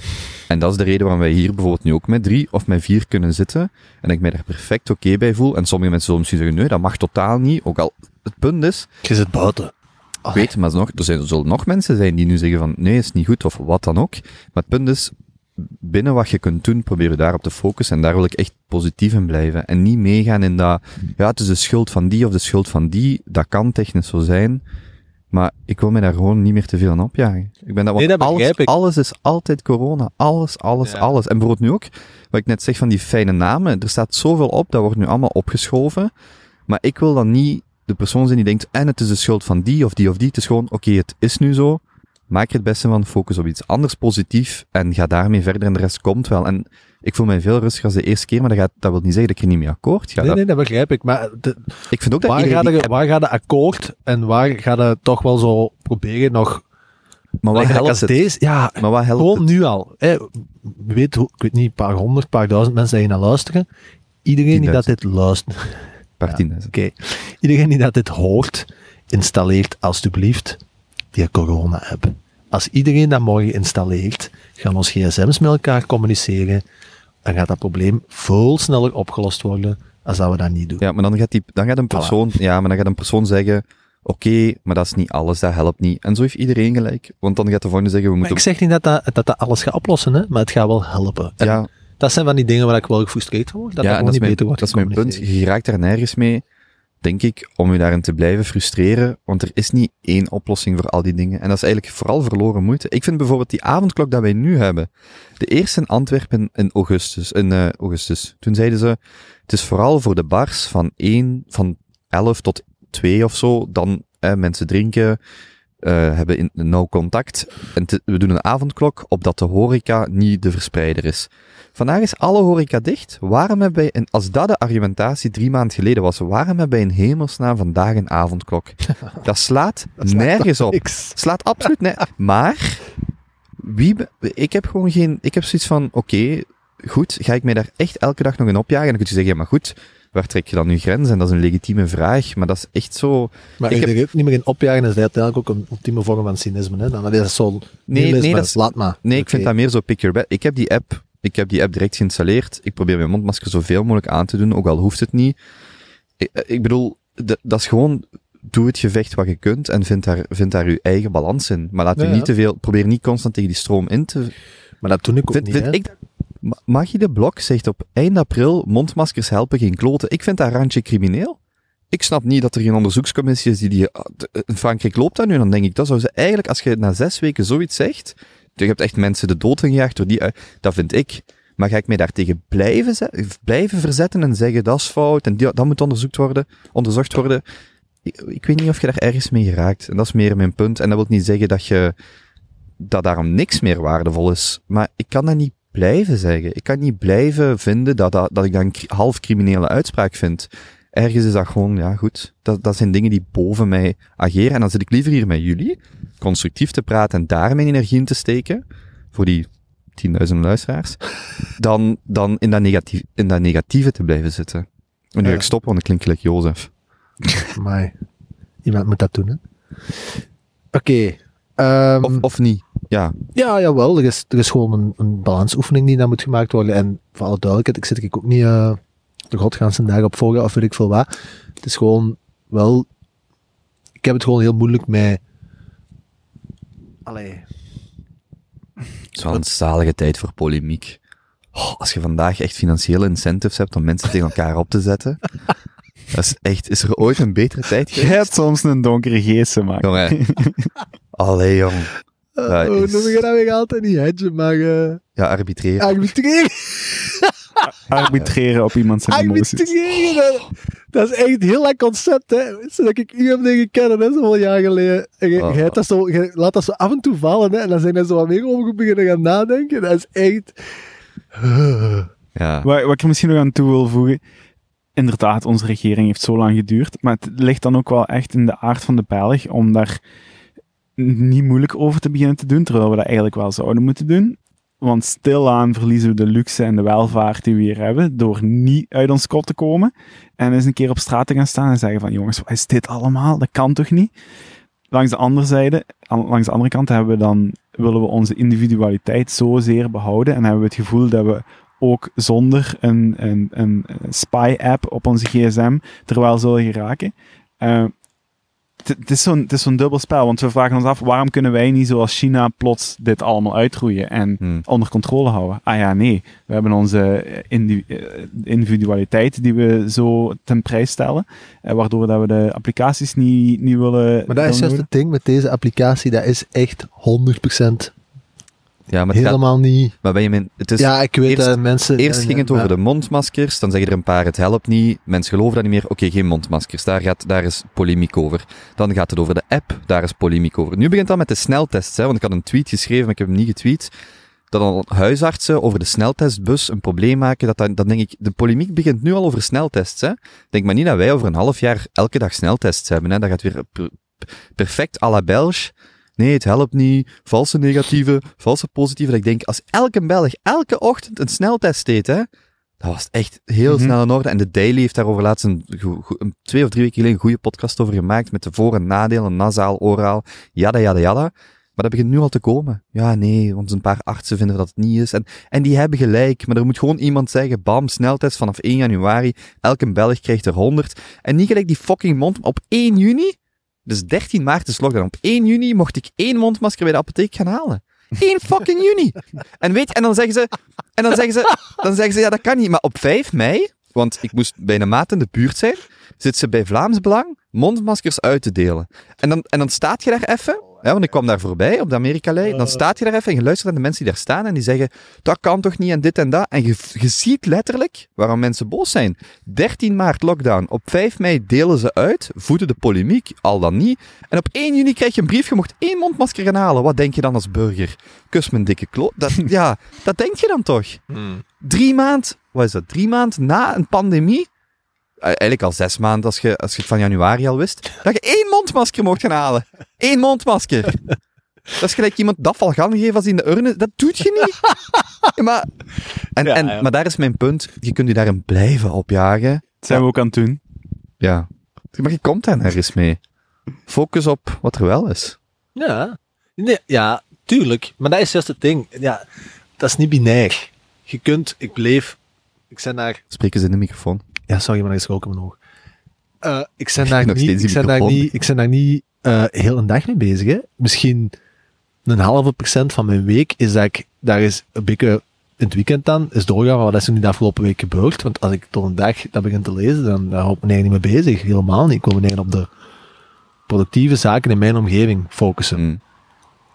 Maar ik vind ook niet dat je het zomaar moet laten passeren. Ik vind dat ook wel mag benoemd worden. Ja. En dat is een balansoefening. Maar bon, ik denk dat we moeten... En ook zo, Laat ons, Ja, laat ons het misschien Ik afronden. hè. één dingetje zo.